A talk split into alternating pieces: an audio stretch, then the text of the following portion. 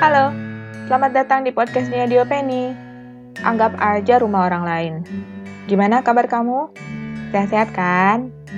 Saya masih tabah ngikutin tantangan 30 hari bersuara nih, walau banyak ini dan itu. Memasuki hari ke-25 tantangan 30 hari bersuaranya The Podcasters Indonesia.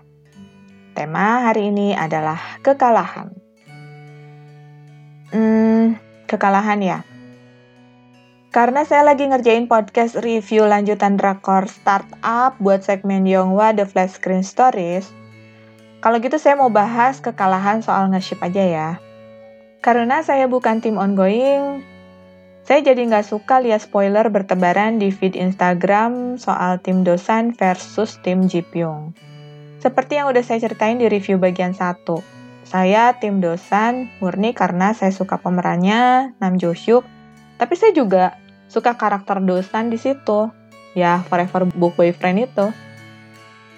Gak sedikit saya lihat meme bertebaran yang ejek harapan Dosan untuk bisa bareng Dalmi akan hancur karena dia pergi ke Amerika buat ngejar mimpinya kerja di Silicon Valley. Sementara di situ kan ada si Ji Pyung. Terus terang saya jadi takut ngelanjutin nontonnya gara-gara ini. Lumayan kasar sih meme bertebaran ini, terutama dari tim Ji Pyung. Hmm, takut kenapa ya? Bukan takut kalah. Saya lebih takut lihat dosa nangis lebih banyak.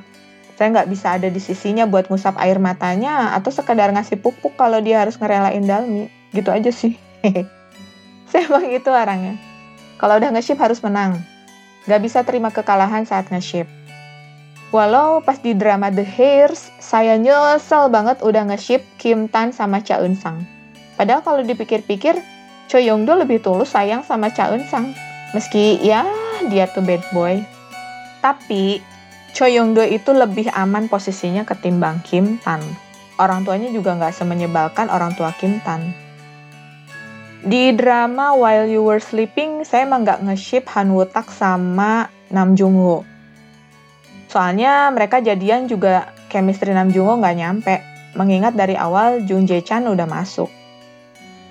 Kalau di webtoon Korea terkenal, The Secret of Angel yang sekarang didramain dengan judul True Beauty, saya masih setia nge-ship Jukyung sama Lee Suho. Apakah ship Jukyung sama Sujuan akan kembali berlayar? Saya nggak tahu. Tapi kalau bagian ini gimana penulisnya aja deh, saya mau pasrah dah. Balik lagi ke ship Nam Dosan sama Dalmi. Jujur aja saya sempat kasihan sama Ji Pyung. Tapi kan dia baru nyadar suka sama Dalmi setelah lihat Dosan sering bareng sama Dalmi. Suuzonnya saya. Ji Pyung suka sama Dalmi ya karena ketrigger lihat mereka berduaan. Tapi nggak tahu ah, mungkin emang Ji Pyung mesti kalah aja. Saya jelas lebih nggak tega kalau dosan yang kalah. Sama nggak teganya kalau pas rivalry antara suami saya dengan mantan pacar saya saat itu, yang menang mantan pacar saya. Nggak tega banget. Saya lebih nggak tega ninggalin lelaki yang jadi suami saya daripada ninggalin mantan pacar saya saat itu. Soalnya sama kayak ketulusan dosan ke Dalmi, ketulusan suami ke saya nggak artifisial, nggak dibuat-buat gitu. Jadi ya pada akhirnya ketika saya harus memilih, mantan pacar saya lah yang harus menerima kekalahannya. Ketika pada akhirnya saya memilih siapa yang bisa lanjut ke fase berikutnya. Kok aku so cakep banget sih ya, maafkan. Tapi waktu itu memang seperti itu. Persimpangan banget lah. Bukannya saya masih sayang sama mantan sih, cuman waktu itu memang ada ego soal status juga. Gitulah pokoknya.